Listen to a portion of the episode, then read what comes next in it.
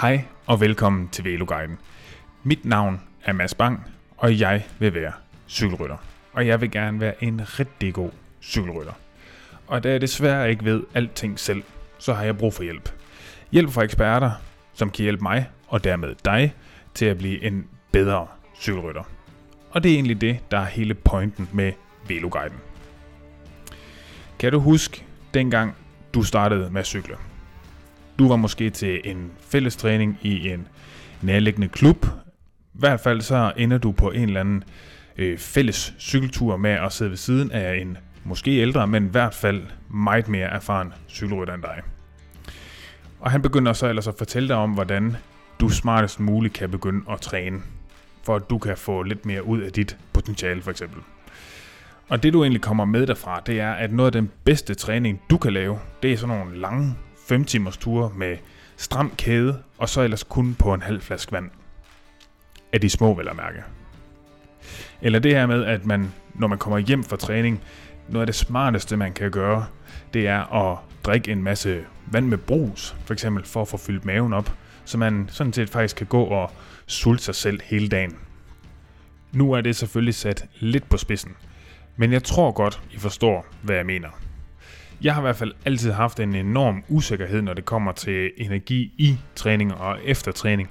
Og det er ikke mindst på grund af alle de åndssvage øh, historier og fortællinger, man har fået fra folk, som i bund og grund ikke ved, hvad de snakker om. Men efter min snak med dagens gæst, der har jeg i hvert fald fået noget mere ro i maven og fået en mere klar strategi i forhold til, hvordan jeg indtager energi under træning og efter træning. Dagens gæst er Chin, som er læge og Ph.D.-studerende, og så forsker han i, hvordan forskellige typer energi, det påvirker os. Og derudover så har han også brandet Neutron. Og jeg tror faktisk ikke, jeg kunne have fundet en bedre gæst at øh, snakke omkring dagens emne med. I den her episode, der dykker vi ned i energi i træning. Hvor meget, hvor lidt, er det en god idé at træne fastet, eller er det dumt, og meget, meget mere. Der er flere ting, som jeg allerede har øh, implementeret i mine rutiner. For eksempel så er jeg meget mere opmærksom på at få mere at spise, når jeg er færdig med at træne. Det havde jeg lidt en dum tendens til lige at holde lidt igen på. Det ved jeg nu. Det er ikke smart. Og så er jeg begyndt at putte mere reel energipulver i min dunk. Dunke. Før kunne jeg også godt finde på bare at købe sådan øh, noget ribena. Kigger bag på øh, labelet og ser, at der er masser af sukker i, det er fint. Men jeg ved nu, at det er så vigtigt, at der er nogen, der har brugt noget e- tid og energi på at tænke over sammensætningen af forskellige typer sukker. Fordi ja, der findes forskellige typer.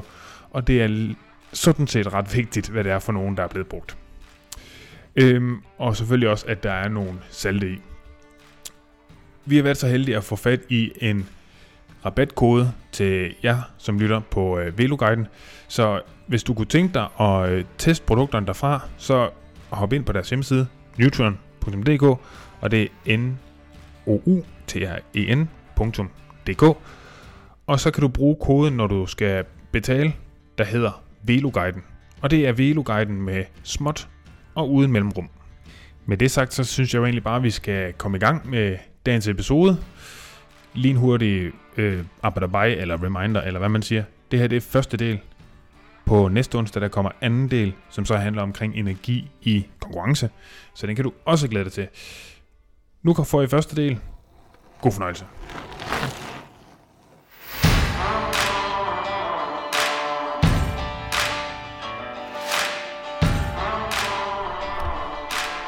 Vi kører. Jen, velkommen til øh, Veloguiden.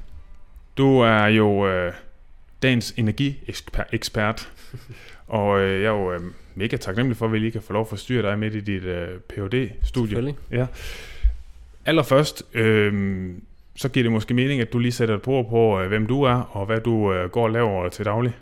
Ja, jamen det kan jeg sagtens.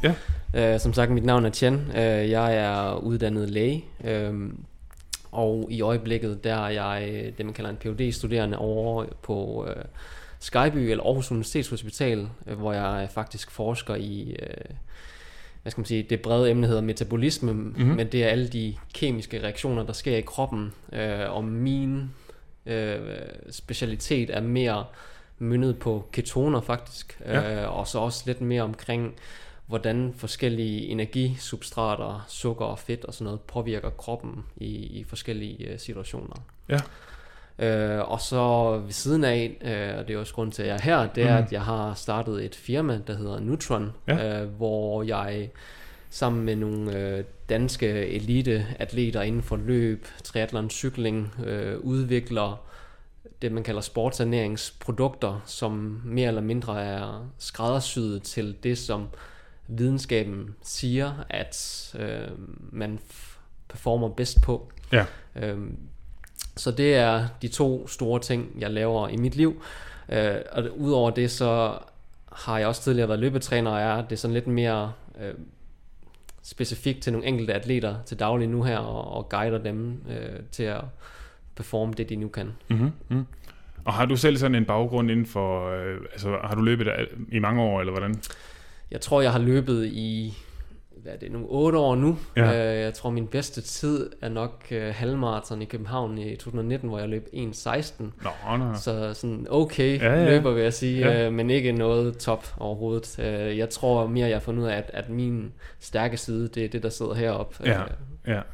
Ja, det, det, det der nørdt ned både i altså, træningsdata og selvfølgelig også det, du gør til daglig nu med at, at, at nørde ned i sådan det ernæringsmæssige forhold til at, kunne performe på, på topplan. ja, helt ja. sikkert. Fedt.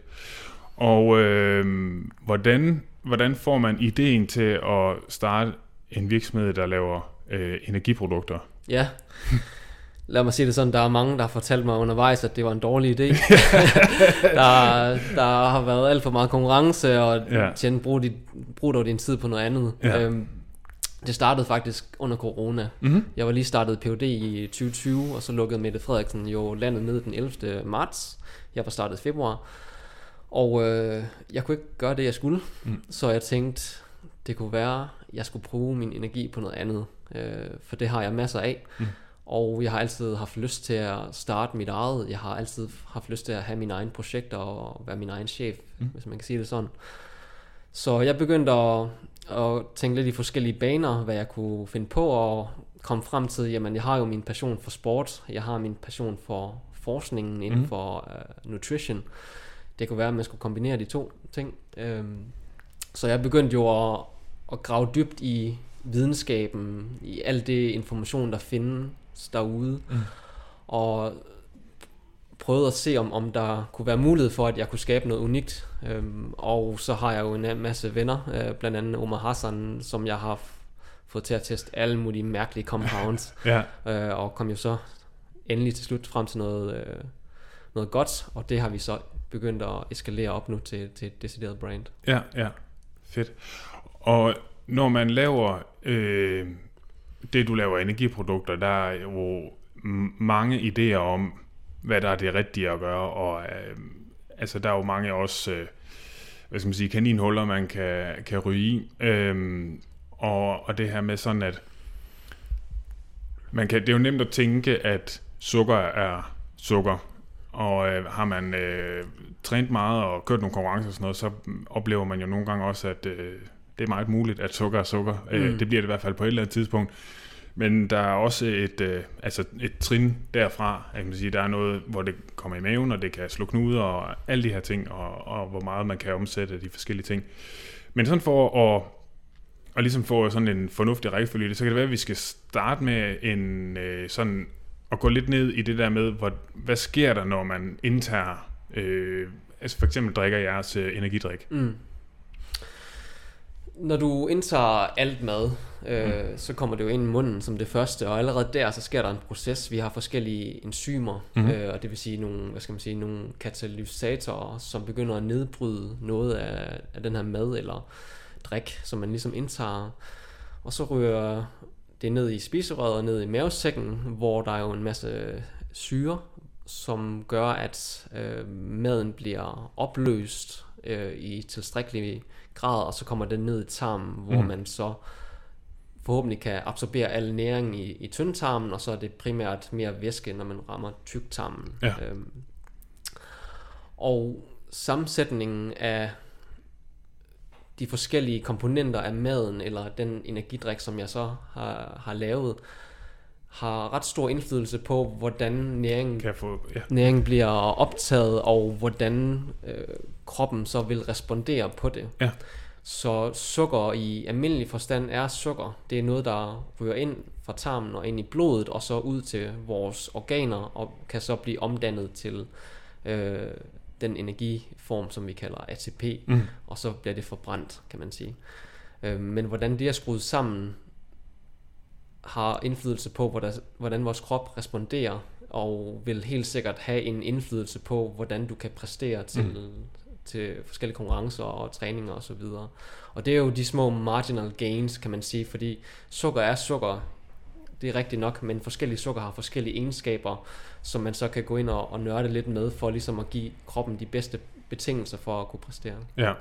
ja, fordi man har jo også den forskel, altså hvis man skal sådan til hvile kontra at være øh, aktiv, det er det der med, at man har ikke helt de samme ressourcer i forhold til at skulle omsætte de ting, man nu får ned i mavesækken, og få omsat det til energi. Altså, man kunne næsten heller ikke forestille sig noget værre, end at skulle øh, cykle øh, noget hård træning, og så samtidig sidde og spise en rugbrød eller et eller andet. Det, Klar, det, klar. det, det vil næppe kan, kan være, være stor succes. Øhm, så det der med, at der jo ikke er den samme blod tilgængeligt, og, og derfor så bliver man selvfølgelig nødt til at tænke lidt over, hvad det andet det er, man sammensætter til energiprodukter. Klart, klart. Øhm, fordi det skal vel være nemmest muligt nedbrydeligt, eller hvordan? Ja, man, man kan sige sådan, øh, så kan, jeg kan måske forklare lidt mere i, hvad der er i, i produktet. Ja, det ikke? tænker altså, jeg er et godt udgangspunkt. at sådan helt basalt, så består de fleste sportsernærings energiprodukter jo af glukose, Mhm. mm-hmm. som også bliver kaldt druesukker, og så fruktose, som er frugtsukker. Ja. Øh, og det ryger ned i, i tyndtarmen, og så bliver det absorberet. Øh, og det er smart at kombinere de to, fordi de to sukker bliver optaget via to forskellige transportsystemer. Det Ja. vil sige, at glukose ryger ind via et, og fruktose ind via det andet. Ja. Så det vil sige, at du netto kan få mere energi ind i din krop, hvis du bruger begge to. Ja. Og så er der nogle gamle artikler for mange årtier siden, der ligesom har fastslået, at gennemsnitligt, der kan du optage 60 gram glukose i timen og 30 gram fruktose i timen, Ja. hvis det giver mening. Ja. Så 90 gram samlet set. Ja. Og det er jo smart, fordi så får du mere energi, og så kan du performe øh, bedre end dem, som måske kun bruger glukose. Ja. Det usmarte ved de to er, at især glukose øh, påvirker dit blodsukker forholdsvis meget, især hvis det er noget, du indtager før træningen, og så også øh, hvis du indtager det i store mængder. Ja. Det gør, at, at du ligesom spiker i dit blodsukker, så du får et højt blodsukker, og så begynder kroppen at reagere, og så styrtdykker dit blodsukker bagefter. Ja. Og det er mest gældende, inden man træner og, og i starten. Ja. Så hvis man måske kunne finde et andet sukker, som holder blodsukker lidt mere stabilt og højt, jamen så vil kroppen have det bedre, og du vil også kunne performe bedre. Ja. Øhm, så et aspekt ved sukrene, det er at et, holde det stabilt, og så to, øh, gøre det på en måde, sådan at du kan absorbere så meget som muligt. Ja. Øhm, og det er derfor, jeg har det der tredje sukker i, som hedder isomaltulose, som er et sukker, der er lidt, øh, har lidt svært ved at blive nedbrudt, så du har et mere stabilt blodsukker. Ja, okay. Så man har glukosen, for, som giver et hurtigt spike, så Yes. har man fruktosen, der giver et mellemagtigt, Ja, det er lidt mindre- langsommere. ja, ja. Og så den sidste, hvad kalder du den? Isomaltulose. Isomasonose, som giver et, et sådan længere... Yes, Ja, ja. det er præcis. Og det er vel for at undgå øhm, sådan et, altså et crash. Ja, det Ja. kan man sige. Ja. Det kan man sige. Der, du har sikkert prøvet det selv. Øh, Du ved, Ja. at du skal ud til træning, og så spiser du et eller andet hurtigt. Ja. Måske noget chokolade. Øh, og så, øh, så starter du med at køre, eller løbe, eller hvad du nu gør. Og så efter en halv time, så har du det som om, at du er ved at crash. Ja. Øh, og det er, det er da underligt, ikke? Fordi du, du har lige spist noget, og du burde være Ja, klar. man må måske ikke lave noget hele dagen heller. Ja. ja. Lige præcis. Ja. Og, og det er jo fordi, at, at dit insulin, som jo er det her hormon, som bliver udsendt af vores bugspytkirtel, bliver sendt ud, så snart du spiser noget. Mm. Øh, og det, hvad skal man sige, det er respons, insulinen, mængden er for høj, hvis du spiser noget med meget glukose i. Okay, ja. Så det, så det handler om at finde en rigtig sammensætning, og, og det er vigtigt at bruge begge to, fordi det, det bruges af to forskellige systemer, som, som gør, at man så kan optage mere. Yes, lige præcis. Øh, fordi jeg har jo godt hørt, øh, altså det er jo mange år siden, jeg begyndte at, at, at træne meget, og hvor man, jamen, du kan tage måske de der 60 gram i, i timen, og det har mm. jo så været, fordi det har været måske før man sådan for alvor begyndte det her med at kombinere dem. Yes. Fordi nu synes jeg jo også, at man begynder at høre, at man kan godt øh, optage, altså på, måske lige på den anden side af 100 gram i, øh, i timen. Mm, mm. Og det er jo klart, at på, på mange, lang nok distancen, så, så giver det en anden, så giver det en forskel, Helt sikkert. øh, fordi du vil have meget mere energi til rådighed. Øh, ja, hvor vil jeg hen med det? Om, om, om det er en god ting, eller, Ja, ja, ja, eller om det er reelt. ja, Måske. det, ja, ja, Ja, jamen det er det. Fordi man kan sige, at en ting er teori, en anden ting er praksis. Mm. Hvis du ved fra forskning, at du godt kan optage de her mængder af glukose og fruktose, jamen så, så prøver man jo at optimere på det. Ja. Og i teorien, så har mange sportsernæringsprodukter tænkt, eller brands tænkt, at okay, hvis du kan optage 90 gram glukose i timen, og 30 gram fruktose i timen, jamen så skal der være 2 gram glukose til 1 gram fruktose, ikke 2 til 1, fordi Ja. det er dobbelt så meget. Men kroppen fungerer bare ikke sådan.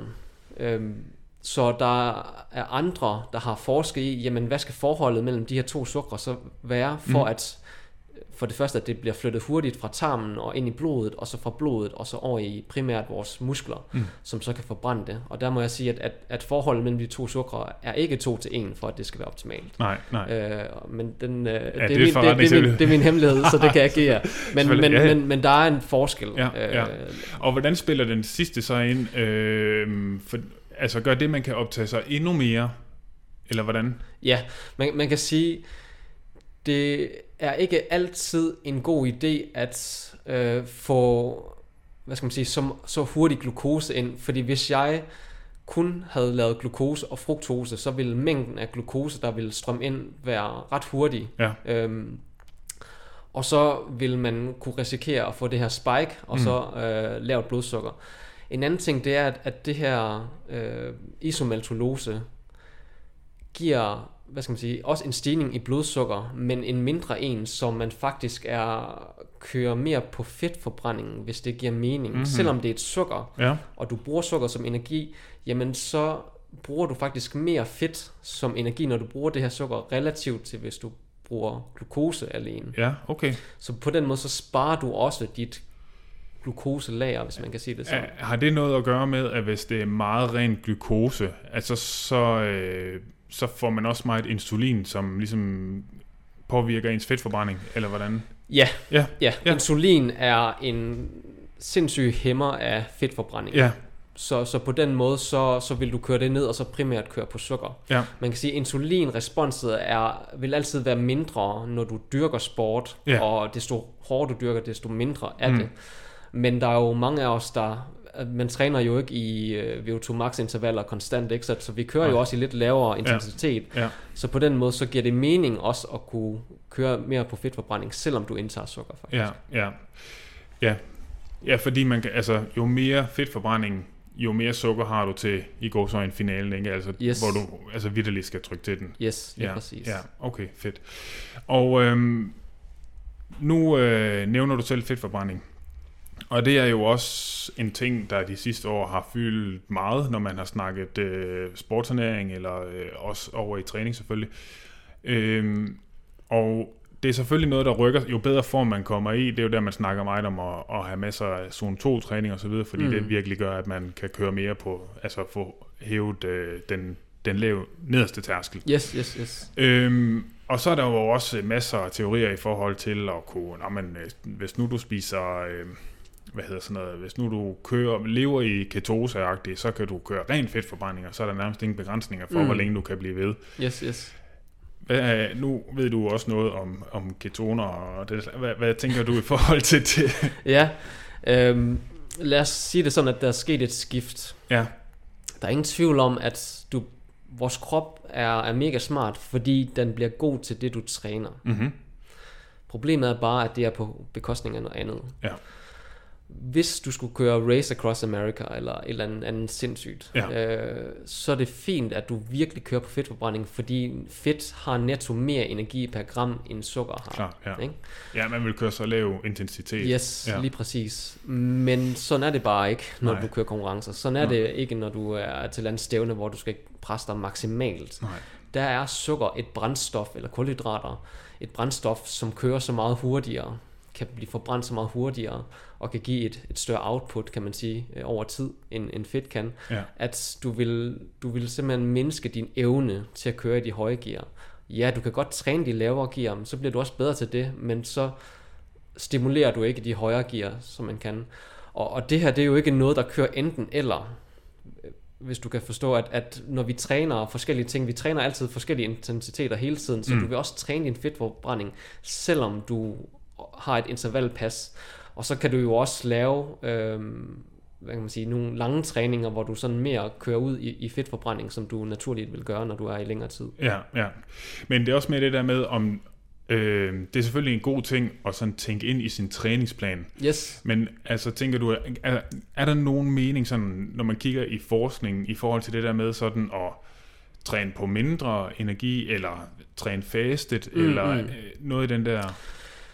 Øhm, der kom faktisk et ret godt dansk studie her sidste år, som er det er så to år siden, nu er vi i 2023, øh, som ligesom lavede en, det man kalder en meta-analyse, så de samlede mm. resultaterne for, hvis man skulle spise keto, eller hvis Ja. ja. man måske trænede nogle træningspas i en faste tilstand, og så andre med en energirig tilstand, og, og der var resultaterne klokkeklar.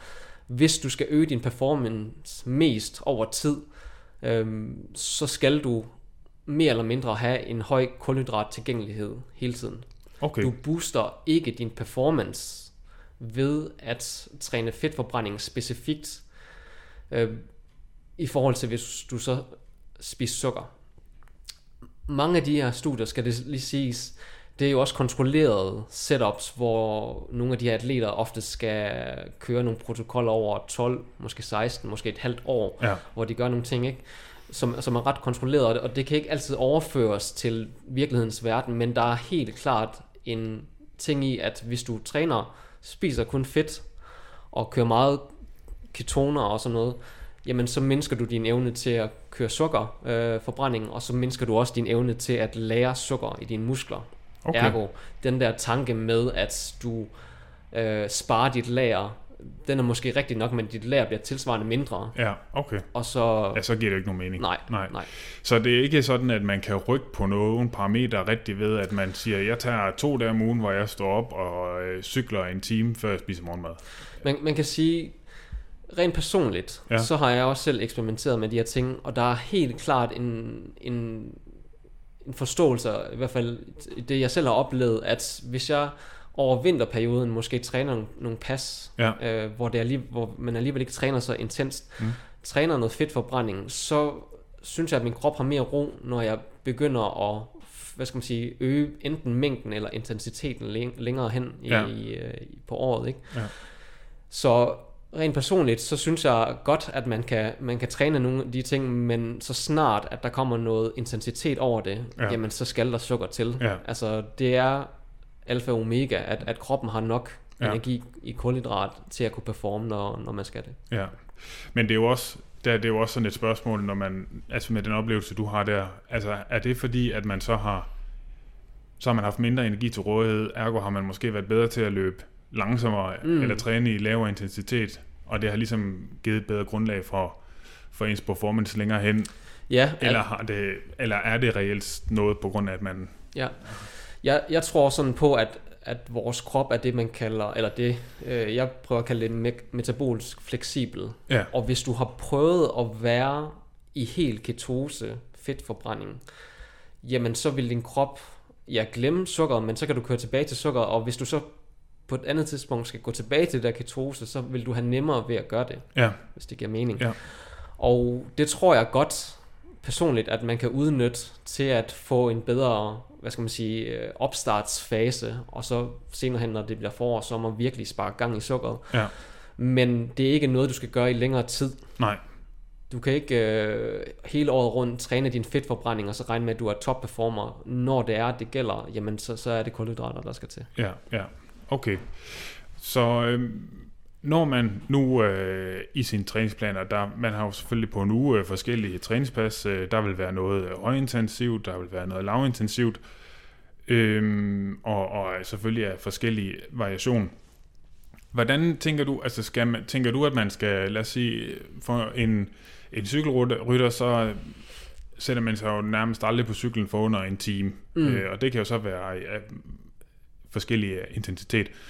Øh, hvis vi tager udgangspunkt i, man kan sige, bare sådan tre øh, intensitetskategorier, der er noget, noget roligt, det kan altså til og med måske noget zone 2-agtigt noget, og så noget lidt mellemagtigt noget, og så er det helt øh, højintensivt. Og så tænker jeg, at det giver sig selv i det helt højintensivt, selvfølgelig, der skal man have noget, øh, der skal man tilføje noget energi undervejs. Mm. Og det er egentlig vel uanset, om det er så bare en time, man kører med knald på, eller om det er øh, to timer, eller hvad det nu skulle være. Ja. Øhm, og og vel, det gælder vel også det samme hvad skal man sige, i midtersegmentet der. Men hvad så, når man er nede i det øh, mere lavintense? Øhm, lad os sige, man måske kun lige har en time øh, til en, en lidt rolig tur. Mm. Øh, vil det give mening, at synes du, man skulle tage noget energi undervejs der? Ja. Øh, det kommer meget an på, hvad man gerne vil. Ja. Lad os sige det sådan. Ja. Øh, os almindelige motionister vil det nok ikke gøre den store forskel, Nej. Øh, om vi om vi indtager lidt energidrik undervejs. Det, er, det er måske mere for behagelighedens skyld, at man får lidt mm. godt undervejs. Ikke? For dem, der træner rigtig meget, øh, superelite, elite, professionelle, der vil jeg klart anbefale, at man måske prøver endda at regne ud, hvor meget energi man forbruger, mm. og så matche det i forhold til, hvor meget energi du skal indtage undervejs.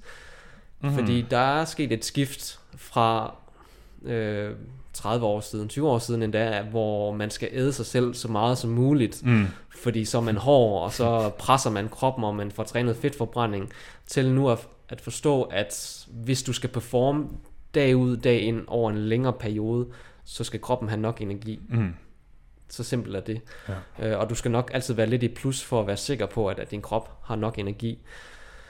Og så er der jo altid det der spørgsmål omkring ens vægt, mm. øh, at det kommer ind. Problemet er bare, at hvis du øh, er i underskud, så vil du på et eller andet tidspunkt øh, blive træt, og du vil crash, og du vil ikke kunne performe det, du gerne vil.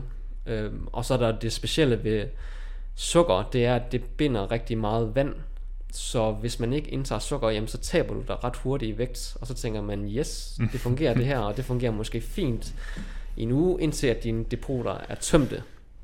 Og, og så kan du ikke længere performe det, du skal gøre. Nej. Så til dem, der træner to gange om dagen øh, i flere timer, der vil jeg klart anbefale, at det er vigtigt, at de konstant forsøger at være i plus. Ja. Også på de rolige ture, så det er, at deres krop hele tiden har nok til at performe. Ja. Et, et, et øh, forsøg, man kunne gøre, det er at prøve at køre en, en lang tur i weekenden, 3-4 timer, og prøve at lade være med at øh, indtage noget energi, bare drikke vand, mm. og så se, om du har det godt i de næste dage op til, ikke? Øh, Ja. Og så, og så gør, gentage det samme ugen efter, mm. og så se om du kan køre det intervalpas to dage efter. Ja. Jeg tror, de fleste vil kunne mærke en markant forskel i det her. Ja.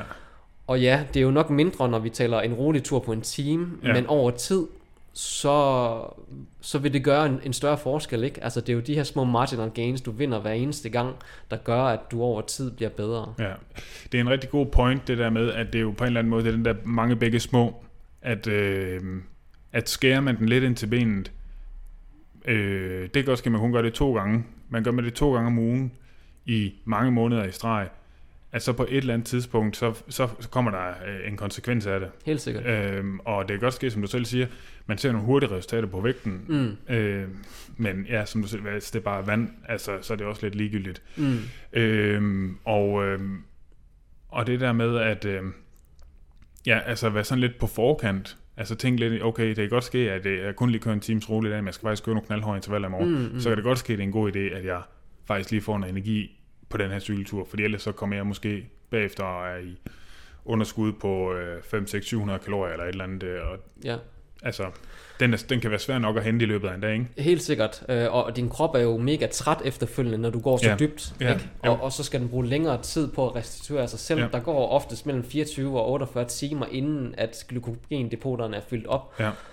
Og hvis du træner flere gange om dagen hver dag, jamen så kan du godt se, så Ja. graver du dybt hele tiden, ikke? Og, ja, og, ja. og, og når ikke at, at få, få det gjort godt igen. Ja.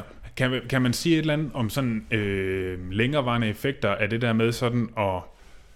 Øh, altså, hvad sker der inde i kroppen, for eksempel, hvis man ikke får fyldt op?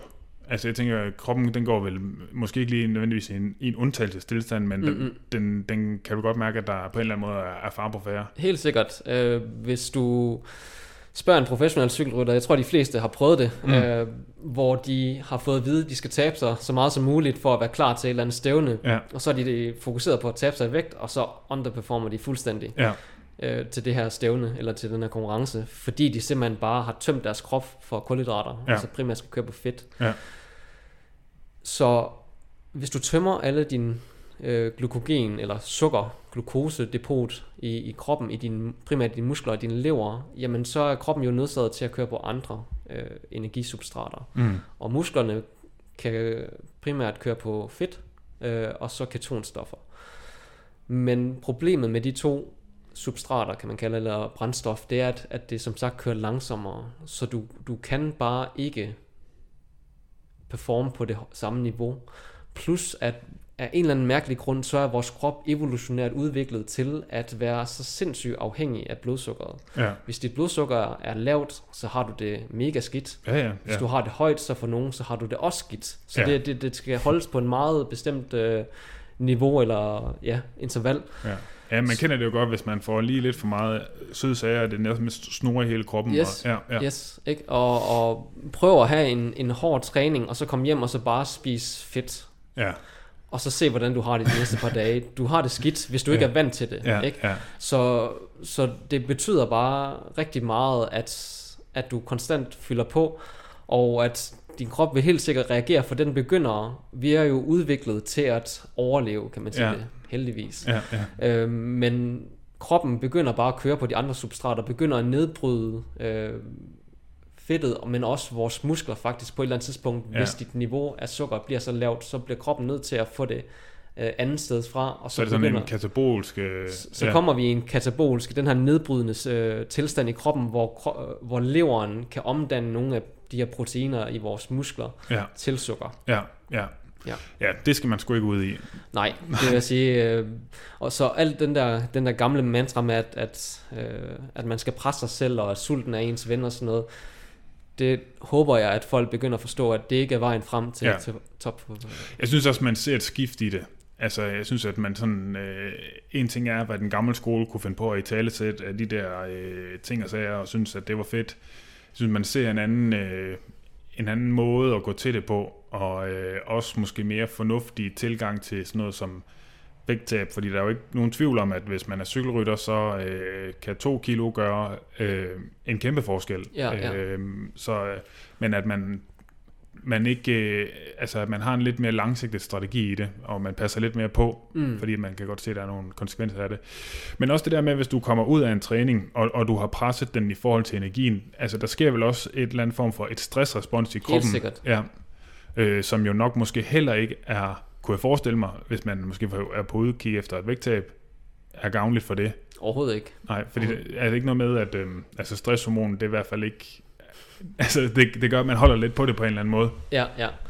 Jamen altså, vi kender det jo alle sammen. Kom hjem fra en hård træning, og så åbner vi køleskabet, og så tømmer vi sgu Ja. ja. øh, hele lortet. Undskyld mit sprog, Ja, men, det er fint. men, øh, men, men sådan er det jo. Ja. Ja. Vores, vores krop er jo meget, hvad skal man sige, den, den reagerer på det, den mangler. Ja, Så, så hvis du har forbrugt noget, jamen så er det også det, du craver. ja, Og så lever vi jo desværre i en verden, hvor, hvor de nemme fristelser er lidt, øh, der er der mange af. ja, Ja, lidt for tilgængelige. Så jeg har sådan en mantra i forhold til dem, jeg er inde over og træner, det er, at, at det er bedre at give dem lidt plads ja, til at få lov til at spise eller gøre nogle ting, ja, så man ikke konstant lever i en tilstand, hvor man skal tænke på det her vægttab, eller ja, og, og samtidig performe på et højt niveau. Mm. Fordi det ved man, det fungerer ikke over tid. Så hvis man kigger over en lang sæson, jamen så synes jeg i hvert fald, at man skal prøve at være i plus i et godt stykke hen. Og når du så rammer øh, ugen ved konkurrence, eller de måneder, så kan du måske godt prøve at arbejde på med, med at prøve at holde den så tæt på nul som overhovedet muligt i forhold til, Ja. hvad du indtager, og Ja. hvad du er, du performer, ikke? Ja. Ja, for jeg synes også, jeg har haft, øh, altså dengang jeg kørte, øh, prøvede at være seriøs triatlet, jo mere jeg havde fokus på at tabe mig, jo sværere var det. Altså så kunne jeg have sådan en lang på, nu skal jeg bare, altså lige have skåren 2 kilo af, 3 kilo af, Mm. et eller andet. Og så, og så hvor man bare kører helt oh, fokus på det der, og så til så at fuldstændig crash på det, og tænke, okay, jeg gider ikke tænke mere over det nu. Mm, Og så kommer det af sig selv. Helt sikkert. Øh, og det er jo nok også sådan en eller anden form for, at kroppen er, er stresset i det der, og ikke øh, kan give slip på det. Ja. Vi af en eller anden grund så også som mennesker tror, at desto hårdere man presser sin krop, Ja, desto mere får man ud af det. ja. Øh, Det er ikke altid sådan, det hænger sammen. Nej, Øh, nogle af de dygtigste i verden, altså kig på triatleterne, Christian Blumenfeldt, Gustav Iden, Ja. der Eliud Kipchoge, de Ja. For det første træner aldrig 100%, Nej. øh, de træner måske 90%, ja, og en af deres store ting, det er at sige, du skal spise nok.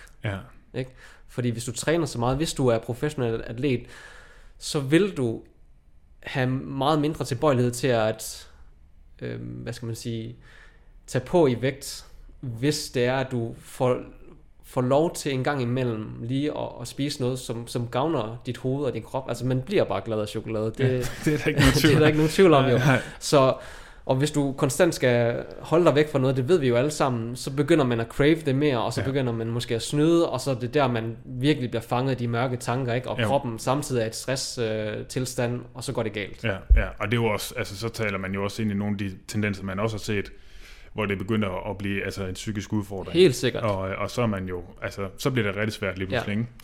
Når øh, man har trænet, jeg kan huske, da jeg startede, var der meget fokus, man har det der 90 minuts øh, vindue. Ja. Øh, du har 90 minutter til at få spist, fordi øh, der er dine muskler mere modtagelige, øh, Mm. klar på at, og, øh, at få øh, energi. Er det rigtigt? Ja, det er det. Ja. Ja. Øh, på, hvad kan man sige, det kommer også an, lidt an på, hvor hårdt du har trænet, og hvilket substrat, altså kulhydrat eller protein eller fedt, man taler om. Okay. Der er jo sindssygt meget, og det har der været de sidste 10-15 år, ikke, med, med det her protein. Ja. At når man kommer hjem, så skal man bare kværne Ja. kyllingefiléer ned. ikke? det ved jeg ikke, om du har gjort. Uh, Ej, det har jeg heldigvis ikke. Øh, Men jeg har da fået en proteinshake i ny og næ, Ja, øh, og presset den ned. Problemet med protein, det er, at øh, man kan ikke optage så meget, som folk tror. Så hvis du kommer hjem og, og spiser, det ved jeg ikke, 400 gram kyllingefilet, ikke? Ja.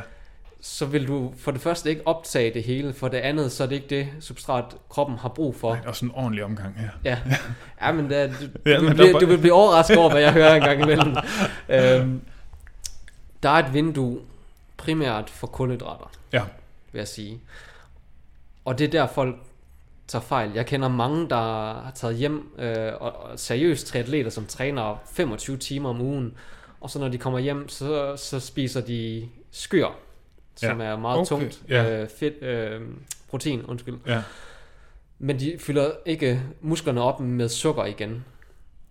Det er klart, at når du har trænet hårdt eller langt, så skal du have mere, end hvis du træner roligt. Ja. Ja. Men oftest så dikterer videnskaben, at de første tre timer faktisk ja. er ret kritiske. 3 til 5 timer Ja. er der det vindue, du skal have eller udfylde med noget næring Ja. efter en hård træning. Ja.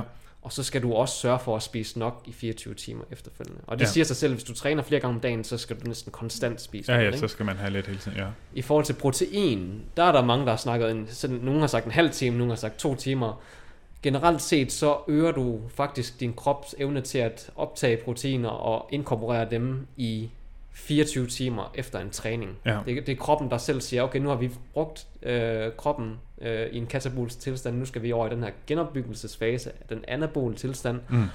og så kan vi optage mere protein, men det er meget mindre, end hvad folk de tror. Ja. Øh, altså, jeg kender jo nogen, de kan indtage næsten et kilo protein om dagen, ikke? Puh, Man skal nok, man skal nok skrue kraftigt ned, og sådan Ja. ja. en som mig, som vejer omkring 70 kilo, der vil 200 gram protein være rigeligt. Ja, som vil bare være noget, man får igennem kosten. Jamen det får du, altså hvis du, det ved jeg ikke, spiser skyr, eller ja. drikker mælk, eller Ja. kakao, eller Ja. sådan noget. Der, der, brød, Ja, altså der ja. findes protein i rigtig mange kilder. Det er det. Og du opregulerer din evne til at inkorporere protein i 24 timer, så du behøver ikke fokusere så meget på proteinen. Nej. Det er mere kulhydraterne, og selvfølgelig skal du også have fedt. Ja, fordi altså nu, nu øh, nævner du så selv øh, protein der, fordi der er jo også ideen om, at man har brug for ekstra meget protein, som lad os sige cykelrytter, øh, løber. Øh, er der, er der noget i det? Altså har man synderligt meget ekstra brug for protein? Jeg er med på en, en, øh, en, en der styrketræner rigtig, rigtig meget. Der er også en enorm nedbrydelse af muskler og sådan nogle ting. Der er også noget, måske når man løber, fordi man, altså alle de der stød, Mm. cykling, der har jeg der har jeg svært ved at se den. Altså, det skal være nogle rimelig hardcore øh, spurtintervaller, for Mm. at man begynder at rive muskelfiber sådan synderligt meget over. Ja, ja. Der er klart en forskel på, hvilken sportsgren du dyrker, og hvor meget protein du skal have. Ja. Øhm, nu kan jeg ikke lige helt huske øh, grænserne, men det er sådan noget med, at hvis det er cykling, så er det 0,5 gram øh, per kilo kropsvægt den første, de første 2-3 timer, og så. Ja. skal du have dækket 200 gram ind eller sådan noget Ja. øh, i et helt døgn.